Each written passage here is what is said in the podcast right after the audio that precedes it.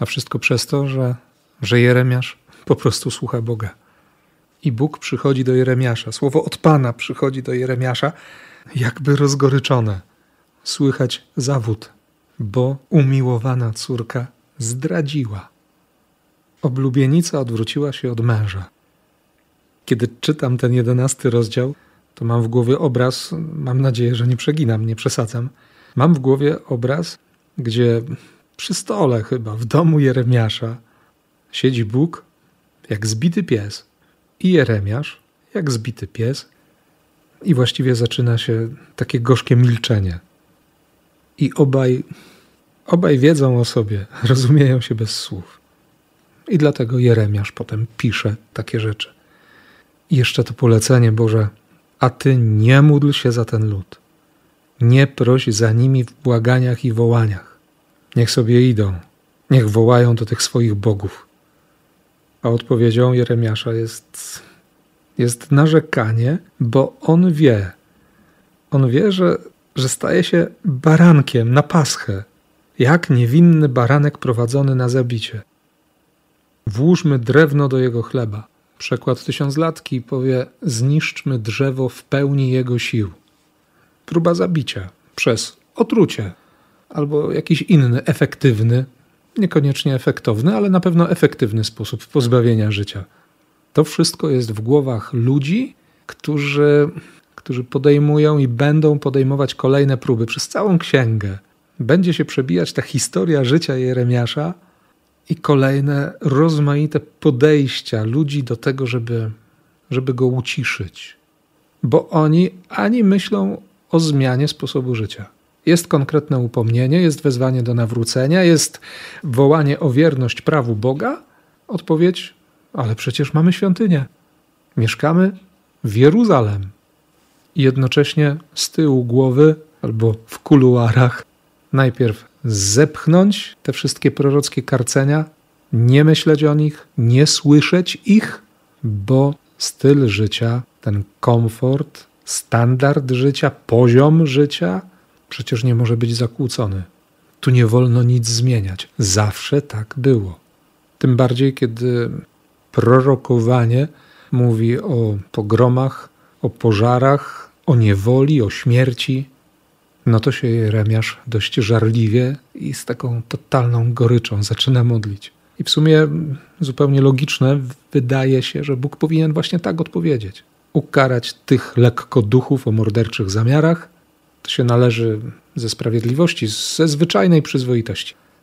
Tyle, że tyle, że na ten tekst nie można patrzeć inaczej jak przez, jak przez krzyż Jezusa. Jutro zresztą będą krzyże zasłonięte, jak ta kotara zawieszona w świątyni w Jeruzalem. Zasłonić święte świętych, oddzielić. Krzyż Jezusa i te słowa w agonii zapisane u Łukasza. Ojcze, przebacz im, bo nie wiedzą, co czynią. Jezus nie będzie prosił o ukaranie, nie będzie miał w głowie myśli o zemście. To mnie stawia do pionu, bo wszystko zostaje wywrócone na drugą stronę. Tak jakby stanęło na głowie, tyle że to jest właśnie powrót do, do tego pierwotnego pomysłu, do tego, jak Bóg widział świat jak widzi człowieka. I pewnie, że trudno się na to zgodzić, i pewnie, że każda modlitwa, Twoja, moja, jakkolwiek byśmy nie byli udręczeni, jest, jest dzięki krzyżowi Chrystusa i dzięki Jego zmartwychwstaniu tak nasycona, tak wysycona miłością, że to, co niemożliwe, jest naprawdę realne. Dzisiaj bardzo mocno chcę w to na nowo uwierzyć i będę wołał, aby Tobie też wiary nie zabrakło. A nadzieja jest, bo Ewangelia tak naprawdę zaczyna się trzy wersety wcześniej. Ostatni wielki dzień święta namiotów. Najważniejszy moment. Finał. Nie? Eskalacja łaski. Jezus staje wtedy, kiedy, kiedy oni biegają po wodę po to, żeby pokropić lód, żeby na nowo przekonać się o błogosławieństwie, idą do głównej sadzawki, to Jezus staje w świątyni i mówi: Jak ktoś odczuwa pragnienie, to niech przyjdzie i niech pije. Jeśli ktoś uwierzy, rzeki wody żywej, bo tak pismo mówi, popłyną z jego wnętrza. Nie trzeba biegać. Nie trzeba szukać gdzieś. Źródło przyszło samo. I Jezus to mówi o duchu, którego mieli otrzymać ci, którzy w niego uwierzyli. Duch nie był jeszcze dany, bo Jezus nie dostąpił jeszcze chwały. Nie został uwielbiony. Nie podniesiono syna człowieczego. Jeszcze jest. To jeszcze czas przed ukrzyżowaniem.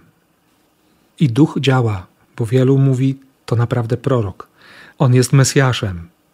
Inni kombinują, no przecież jaki Mesjasz, jaka Galilea. On powinien przyjść z potomstwa Dawida z Betlejem. My wiemy, nas nie trzeba przekonywać. Tylko znowu w głowie mam pytanie: dobra, co robię z tą wiedzą? Czym jest dla mnie ta wiedza, ta świadomość? Czy uwierzyć to zgodzić się na to, co niemożliwe i tak kochać, że słucha się każdego ze słów Bożych? Czy jednak od czasu do czasu zadaję sobie pytanie, kiedy patrzę w lustro: dałeś się otumanić? Jestem bardzo Bogu wdzięczny za to, że, że nie daje mi świętego spokoju i pewnie Tobie też nie daje takiego spokoju, że nie da się leniwie rozsiąść, popatrzeć na wszystko z lekkim uśmiechem albo dezaprobatą, albo czymkolwiek, przede wszystkim z dystansem. Tylko Bóg ciągle nam uświadamia, że jesteśmy w centrum wydarzeń, że to jest nasza historia, że tu chodzi o Twoje i o moje zbawienie. I to jest niesamowite. To jest niesamowite. Więc żebyśmy tego nie przegapili przypadkiem, błogosławię, jak tylko potrafię, w imię Ojca i Syna i Ducha Świętego. Amen.